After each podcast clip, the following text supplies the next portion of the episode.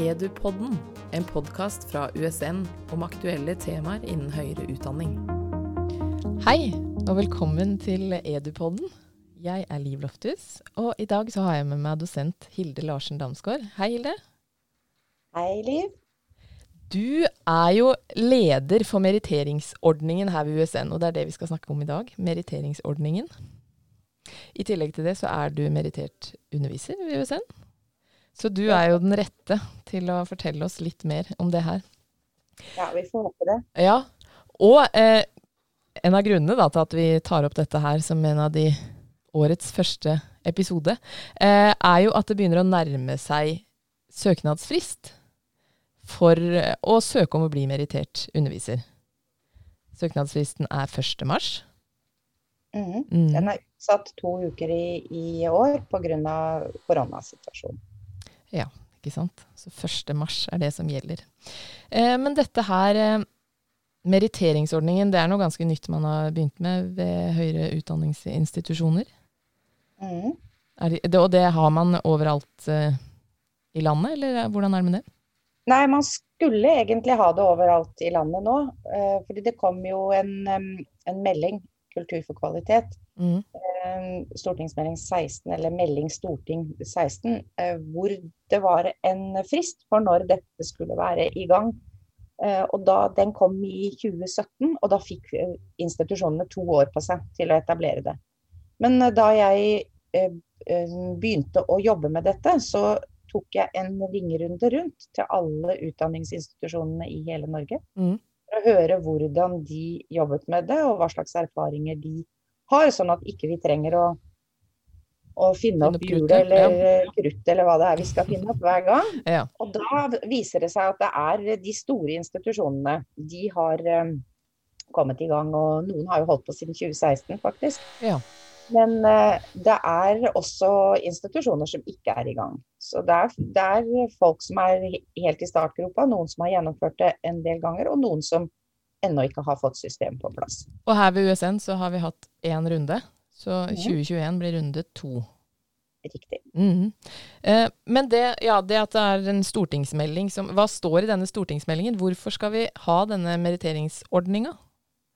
Nei, det, det er knytta til det at man er opptatt av at uh, det ikke skal være så stor, uh, om vi skal kalle det det, statusforskjell på det med å jobbe med forskning og undervisning.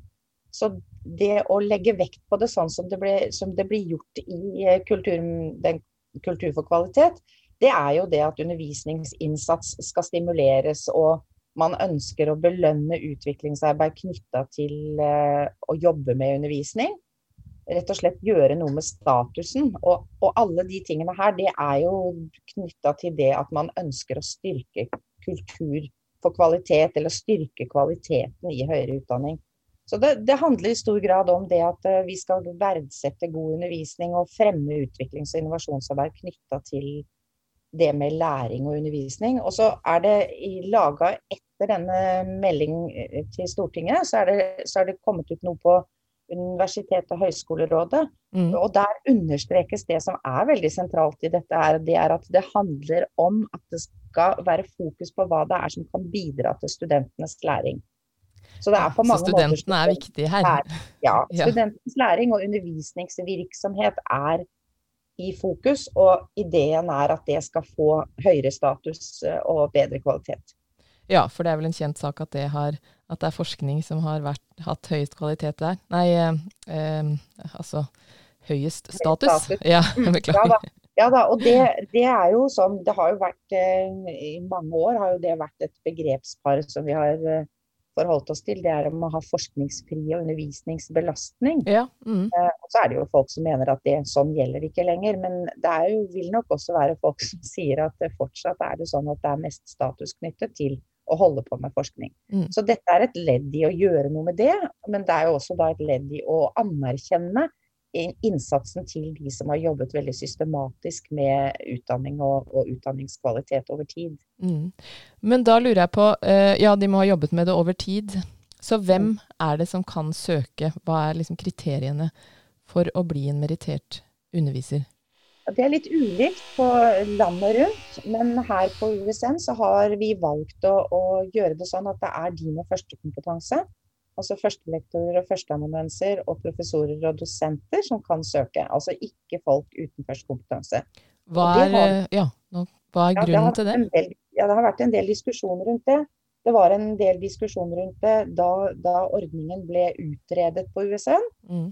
Eh, og det har også vært det etterpå. Og begrunnelsen den gangen man jobbet med dette, det og prøvde å, å, få ordningen på plass, da var begrunnelsen at uh, universitetet ønsket at folk uh, primært skulle uh, bli ja, førstekompetente, fordi at universitetet trengte en stor andel ansatte med førstekompetanse.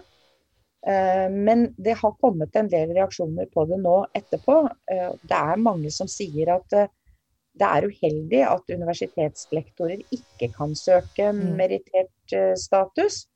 Eh, Bl.a. fordi det er noen som det ikke kommer til å være aktuelt for å, å bli, jobbe med første kompetansekvalifisering. Og, og også fordi at uh, det bør være mulig for de som jobber veldig mye med undervisning og ikke har den første kompetansen, å kunne bli meritterte. Så det, det kan hende at det der er en ting som vi er nødt til å se på og eventuelt gjøre noe med. Og det er ulikt på andre institusjoner. Noen har alle med, og noen har ikke alle med. Ok, Hva, hva er hovedtyngden liksom, rundt på institusjonene? At de har med det, det, mitt inntrykk er at de fleste steder så er det førstekompetanse for folk med førstekompetanse. Mm.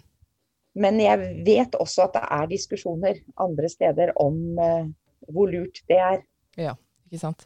Så den som lever, får se hvordan det blir etter hvert. Men i 2021 så er det en av de formelle kravene? Ja. Det er altså da at du skal være førstekompetent, og så skal du så bør du ha minimum fem års erfaring med undervisning i høyere utdanning. Um, og andre steder de stiller også krav om at du skal ha hatt så og så mye tid på den institusjonen du søker, men det har USN ikke. Og så er det også det at du må ha en forankring i ledelsen. Altså du må ha med et bekreftelsesbrev hvor lederen din eh, går eh, god for at du søker. Bl.a. fordi at, at, noen av kravene, som vi sikkert skal komme mer inn på med de faglige kravene, at det mm. handler jo om at du skal ha gjort noe i miljøet over tid. Så derfor så er det viktig at lederen er eh, med på laget når man søker. Og så er det sånn at du må, Når du søker, så må du også godta at, du, at søknaden din blir uh, offentliggjort etterpå, sånn at andre kan uh, bruke søknaden som inspirasjon når de skal søke, eller for å lære mer om gode grep innenfor utdanningsvirksomhet. Ja, for hvis man, eh, Det der med at søknaden skal ligge åpen på nettsidene nå, hvor det står mer om dere meritterte undervisere, der ligger søknaden deres åpen ikke sant, for folk å se. Så det er jo verdt å ta med seg. Ja, Man kan selvfølgelig gjøre noe med søknaden etterpå. Jeg har jo gjort noe med søknaden etterpå altså hvor det er f.eks. personlige attester. Det, det, er det ikke noe krav om at skal ligge synlig ute. Eller arbeidet som er veldig sånn in progress. altså Du holder på å jobbe med noe som du trenger å jobbe mer med før du skal ut mm. til verden. Men, men da bare gjør man sørger man for at det ikke blir offentlig, og så er resten av søknaden tilgjengelig. Men når du da, ja, så formelle, De formelle kravene er da førstekompetanse, eh, fem år nei, undervisningserfaring, og at eh, lederen din er med på, med på laget. og også at ikke du leverer noe som er en mil langt. Så det skal være maks 7500 ord, og du har lov til å legge med tolv vedlegg. Ja. Mm. Det er jo også greit å, å ta med. Eh, men du nevnte jo så vidt dette med faglige krav, for nå har vi da ja, sett litt på de formelle kravene. Faglige, faglige krav, hva er det eh, du legger i det? Det er eh, laget noen hovedkrav, tre, mm. hos oss.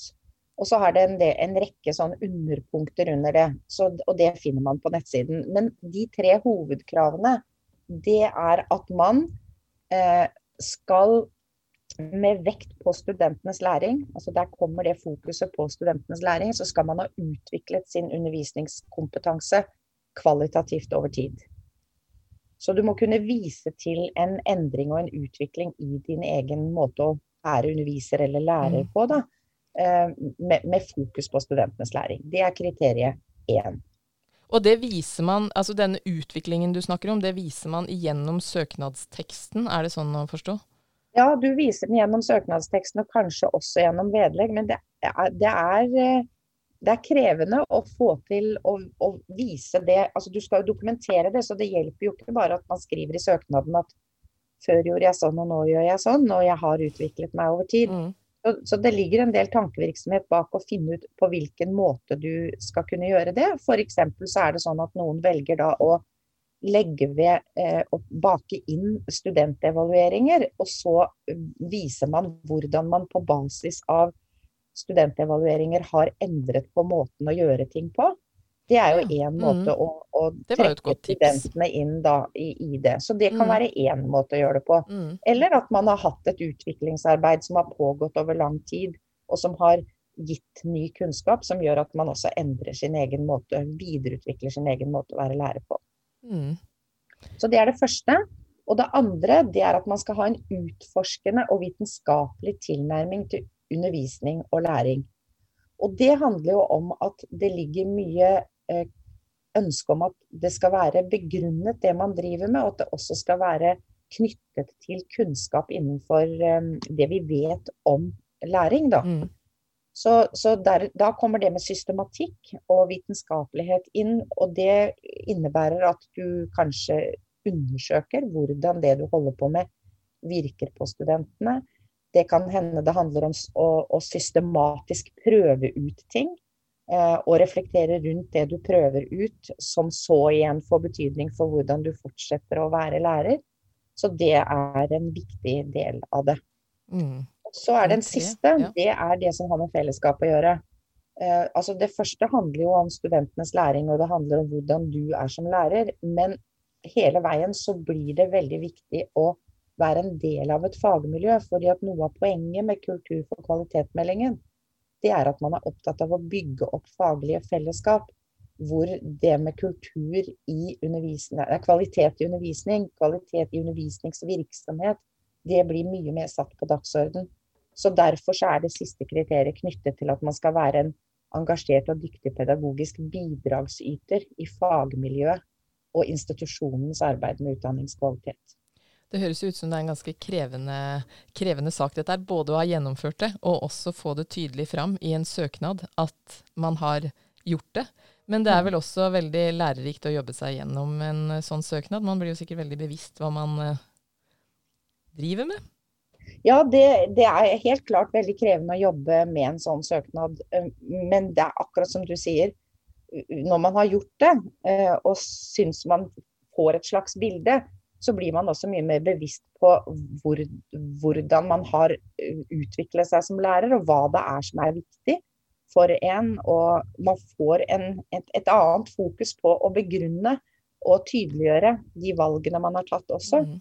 Men jeg tror også det er noe at vi, det finnes veldig mange eh, folk som er veldig flinke på alle de tre områdene her, eh, også på USN. Men noe av utfordringen det er å klare å lage en søknad som pakker det ut for de som mm. skal lese.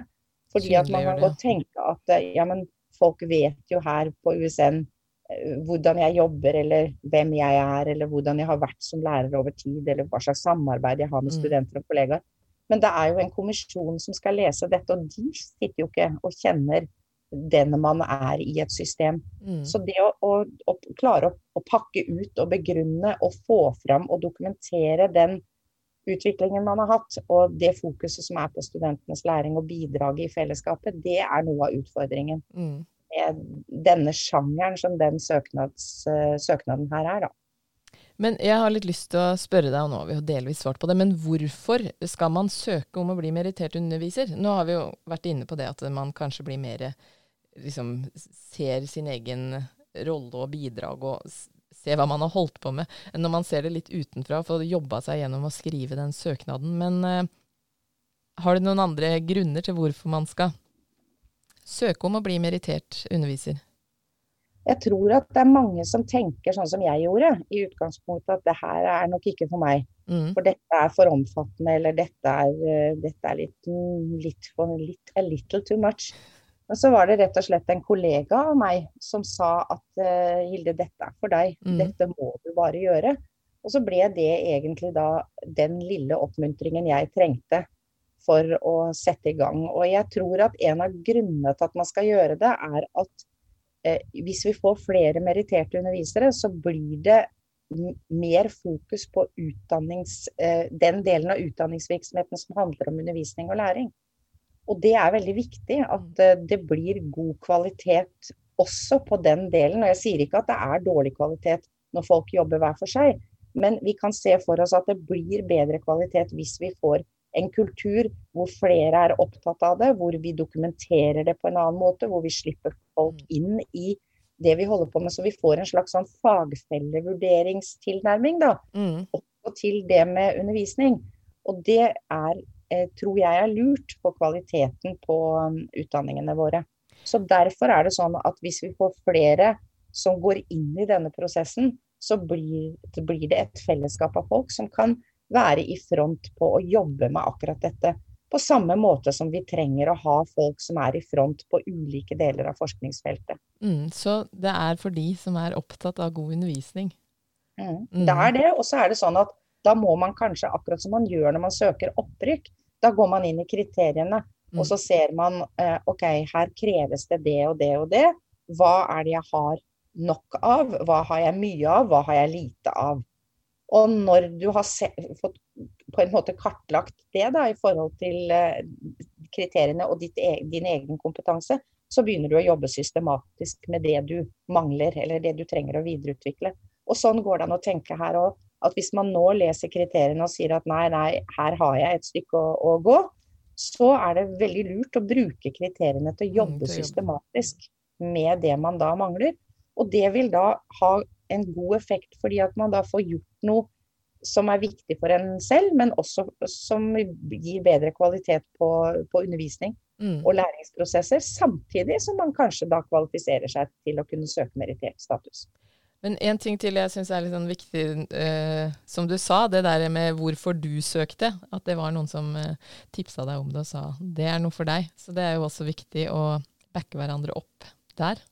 Ja, og jeg tror så hvis noen vet at de har en kollega som bør søke, så ja, så er det lurt å være bevisst på det. Men jeg mm. tror egentlig det at grunnen til at jeg tenkte at jeg ikke kunne søke, det var at jeg hadde gjort de to første. Altså jeg hadde vært veldig opptatt av det med studentenes læring og, og, og utviklet min måte å være lærer på over tid. Sånn har jeg liksom alltid tenkt. At mm. jeg er ferdig. Og at det er veldig givende med undervisning at det er en, en dialog, et samspill mellom studenter og lærere um, underveis hele veien. Og også, jeg har også vært veldig opptatt av, av det systematiske informasjonsinnhentingen, sånn at jeg har jobba med å forstå mer av hvordan det jeg holder på med virker på studentene, for så å kunne gjøre noe forbedringer på det. Mm. Så, så, de to tingene tenkte jeg nok at jeg hadde inne. Men jeg var usikker på, eh, da, da, dette, da hele konseptet begynte, så var jeg usikker på det der med å ha virkelig ha vært en bidragsyter i fagmiljøet. Men så var det jo det den kollegaen min uh, ja. minnet meg på. At, at det f.eks. å ha jobbet med studieplanutvikling over lang tid, det å ha jobbet med å lede et, et masterprogram eller et mm. bachelorprogram, eller holdt på med ting i en gruppe av andre, det jo, kan jo fint være å forstå som at man har vært en bidragsyter i fagmiljøet. Mm. Men da lurer jeg på neste, neste punkt. Altså, altså, hvordan foregår denne eh, søknadsprosessen? Hvis man da har kommet til at eh, jeg vil søke på, på, dette her, så skal man skrive da denne søknaden eh, med maks eh, tolv vedlegg. Eh, og så er det en kommisjon som avgjør ja. Eh, ja. Så det som er veldig viktig her, det er å være se veldig tydelig på kriteriene og skrive søknaden opp mot kriteriene. Mm. Og de hovedkriteriene som jeg nevnte her, de har også noen underkriterier som står på hjemmesidene, men det blir litt uh, mye å, å, å, si alle de kriteriene. Mm. Men det er da også veldig lurt å gå inn og se på hvordan um, man skal svare på det. Og også kanskje tenke at man lager en liten sånn leserveiledning til kommisjonen innledningsvis, som, som gjør at man sier hvordan man har svart på oppdraget. da som er disse kriteriene. Og så kommer søknadene til en kommisjon. Og den kommisjonen har vi i år vært veldig opptatt av å sette sammen på en, en ryddig og transparent måte. Og det, sånn var det i fjor også. Så det, det, å sette sammen kommisjonen er en viktig del av det. Mm. Så i år har vi gjort det sånn at um, eh, visedekanene på hvert fakultet har kunnet komme med forslag på kandidater til kommisjonen ut fra bestemte kriterier. Altså vi ville ha noen med i kommisjonen som er meritterte, vi vil ha noen med i kommisjonen som har jobbet med eller har innblikk i meritteringsordninger eh, rundt andre steder f.eks. Eh, og så ønsker vi folk som har kompetanse innenfor utdanningsfaglig virksomhet. Utdanningsvitenskapelig virksomhet. UHPED. Ja. Det, er, det, er, de eksterne. Og så, og så har da uh, har visdekanene kommet med forslag til det. Og så er det satt sammen en kommisjon ut fra hvordan den skulle da se ut i helhet, men også ut fra hvilke av de som er foreslått som hadde anledning til å være med i kommisjonen. Så jobber kommisjonen i, Det er to eksterne og én intern. Uh, og den interne skal uh, lede kommisjonen. Og så er det i tillegg en studentrepresentant. Og dette er Det blir ikke kjent for de som søker, hvem som sitter i kommisjonen før søknaden er levert. Og Grunnen til det er at vi vil at, eh, at eh, man skal eh, skrive uhildet, altså uten ja. å tenke at nå skal jeg skrive til, meg inn mm. mot noen. Mens når søknadene da er uh, levert, så vil, uh, da vil det være åpent uh, tilgjengelig hvem det er som sitter i kommisjonen. Er det den samme kommisjonen Ja. Det var én ting til, og det er at det er én fakultetsrepresentant for hvert fakultet. Og vedkommende leser bare søknadene til, sin, eh, altså til de som er på eget fakultet. Og der har vi laga en vara til hver av dem, i tilfelle det oppstår noen habilitetsspørsmål. Mm. Og det der med at man har fakultetsrepresentanter som leser bare søknader for eget fakultet, det har vært gjenstand for mye diskusjon. Men når jeg har undersøkt rundt omkring i hele landet, så, så finner vi ut at de aller fleste har gjort det sånn. Hvis ikke så vil man få en enormt stor kommisjon. Eh, og det vil bli veldig krevende for folk å jobbe med det. Og dessuten så stilles det krav om at alle kommisjonene må være enig. Og hvis du da er ni mennesker, så vil man jo få et uh, stort problem med det. Mm, mm. Mm. Men denne, altså denne kommisjonen, de, de leser søknadene. Eh, litt variert, altså det er ikke de samme som leser alle søknadene. Eh, men så er det noen som kommer videre til en intervjurunde. Det er altså fire stykker som leser alle søknadene, og så leser de som er fakultetsrepresentanter, bare sin. Mm, mm. Og så er det sånn at hvis man da eh, tilfredsstiller gjennomgående kriteriene, så blir man eh, innkalt til et intervju hvor man snakker, ting, snakker om og utdyper ting eh, når det gjelder egen søknad.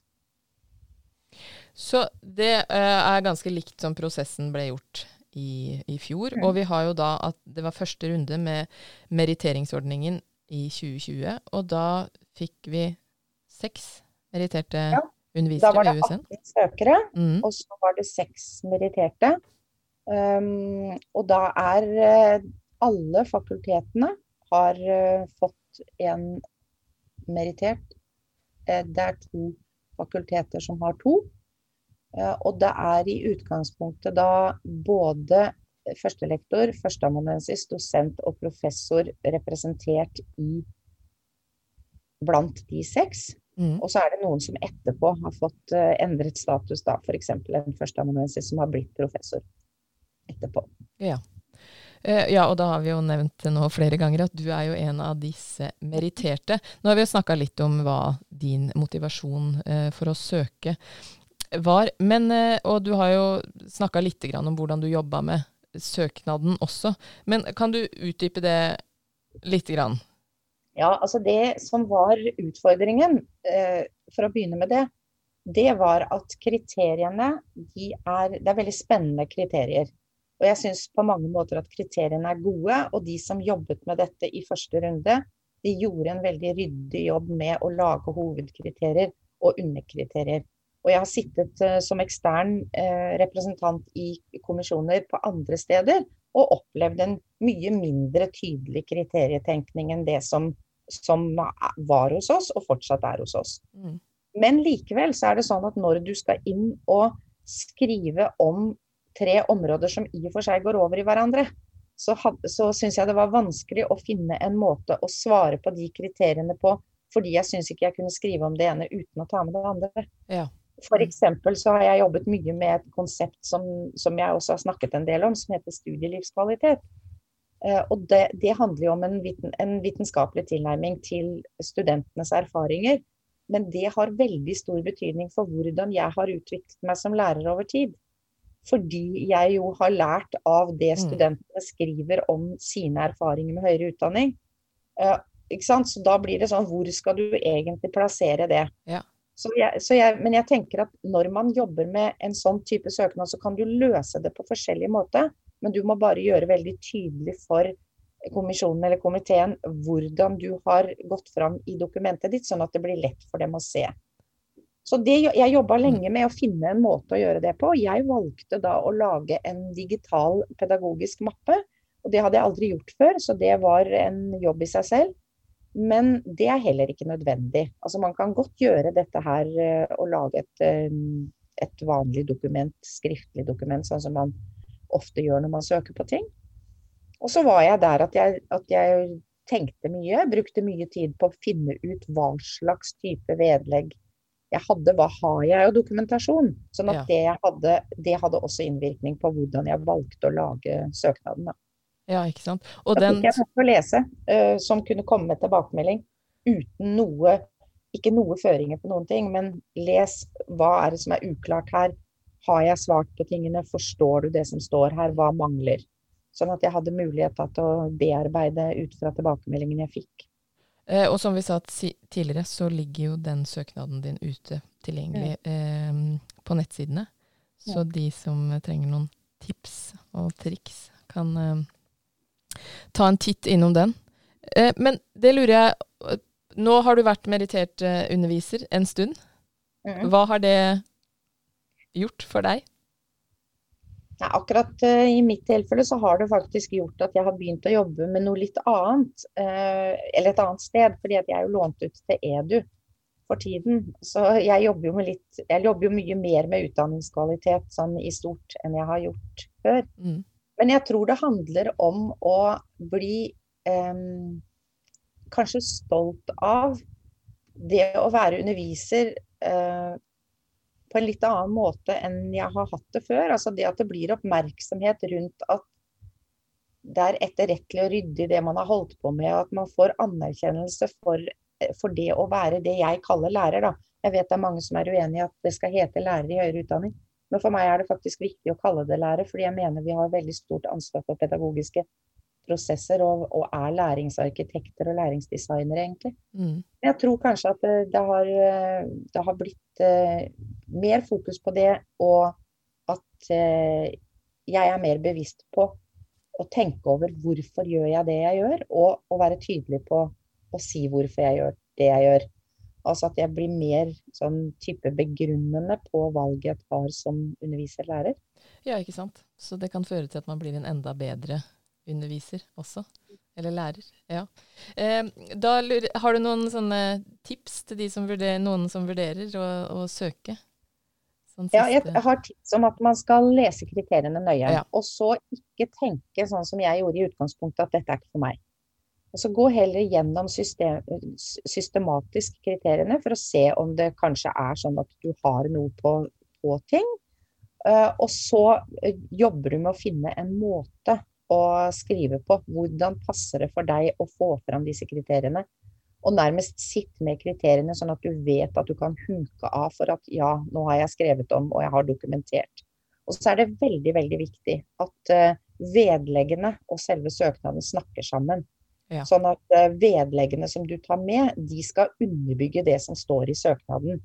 Uh, og jeg har også vært uh, i en annen kommisjon hvor jeg satt og, og, og, leste en veldig god søknad, men hvor de vedleggene som var lagt med, de, de snakka på en måte ikke med søknaden. Mm. Sånn at det var ikke mulig gjennom vedleggene å få dokumentert at det som sto i søknaden faktisk var gjort. Så det er kanskje det mest klare tipset. Det er å, å passe på at de vedleggene man bruker, de bakes inn i søknadsteksten, og at de dokumenterer det man faktisk sier at man skal dokumentere. Og så får man noen til å lese gjennom mm. kritisk, sånn at man tar litt tid på det. Og så er det sånn, spør oss, tenker jeg også. fordi at vi har ikke, Det er ikke noe sånn vi har fasiten. Men uh, de som jobbet med det i fjor, Cecilie Enquist Jensen, som har hatt webinarer i år, og jeg som nå skal jobbe med, det, med helheten, uh, spør oss. Diskuter så er det mulig å, å, Og vi kan jo ikke liksom si om ting er godt nok, men vi kan i hvert fall være diskusjonspartnere. Mm. Det du nevnte med webinarer, kommer det til å være noen webinarer også om uh, Det har vært noen webinarer, og, og så har det vært eh, tilbud om webinar nå etter jul fordi at eh, vi har jo utvidet søknadsfristen med to uker. Mm. Det, det, er det, det avhenger av at det er folk som melder seg på webinarene. Og hvis det ikke er det, så gjennomfører vi jo selvfølgelig ikke webinar hvis det er et menneske eller to. Da er det bedre å ha samtale med de folk mm. det gjelder. Så hvis det blir eh, mange som, skal, eh, som nå sier at ofte har vi behov for en sammensatt eller en presentasjon av informasjon, og dessuten noen diskusjoner, så går det an å få det til. Men ellers så finner man mye informasjon ute. Det er laga veldig ryddig informasjon eh, fra de som jobba med det i fjor og også har jobba med det i år Og nettsidene er lette å ja. finne frem til? Merittering? Ja, de er faktisk det. Man mm. søker USN-merittering. Ja. Så kommer det både opp bitte litt om meritteringsordningen, det kommer opp eh, hvordan du søker. Det, det, er laget en veileder eh, som er, har tatt inn over seg noen av de tingene som ble meldt tilbake som utfordringer i fjor, sånn at nå er det presisert i en veileder. Og det er også lagt ut presentasjon av de meritterte med deres søknader, sånn at man har litt mer å se på. Og det hadde vi jo, de, de eksemplene hadde vi jo ikke tilgjengelig i fjor. Nei, og da må jeg bare legge til også at det, har, det er jo eh, podkastepisoder med de fleste av de meritterte underviserne, som også går an å ta en lytt. Og så ser man at de søknadene som er levert er veldig ulike, og det er veldig fint. Mm. Det kan gjøres på forskjellige måter. Så man kan hente inspirasjon. Så da er det bare for folk å, eh, som er interessert i å søke, gå inn på nettsidene Merittering USN. Eh, hvis de har noen spørsmål, så kan de kontakte deg. Eller Cecilie Eller Cecilie Enquist Jensen.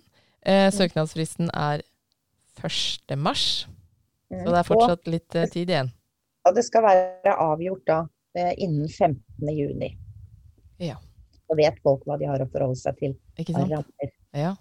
Men da er det bare å ønske folk lykke til med søknadsskrivingen. Takk for uh, nyttig informasjon, og takk for praten, Hilde. I like måte. Edupodden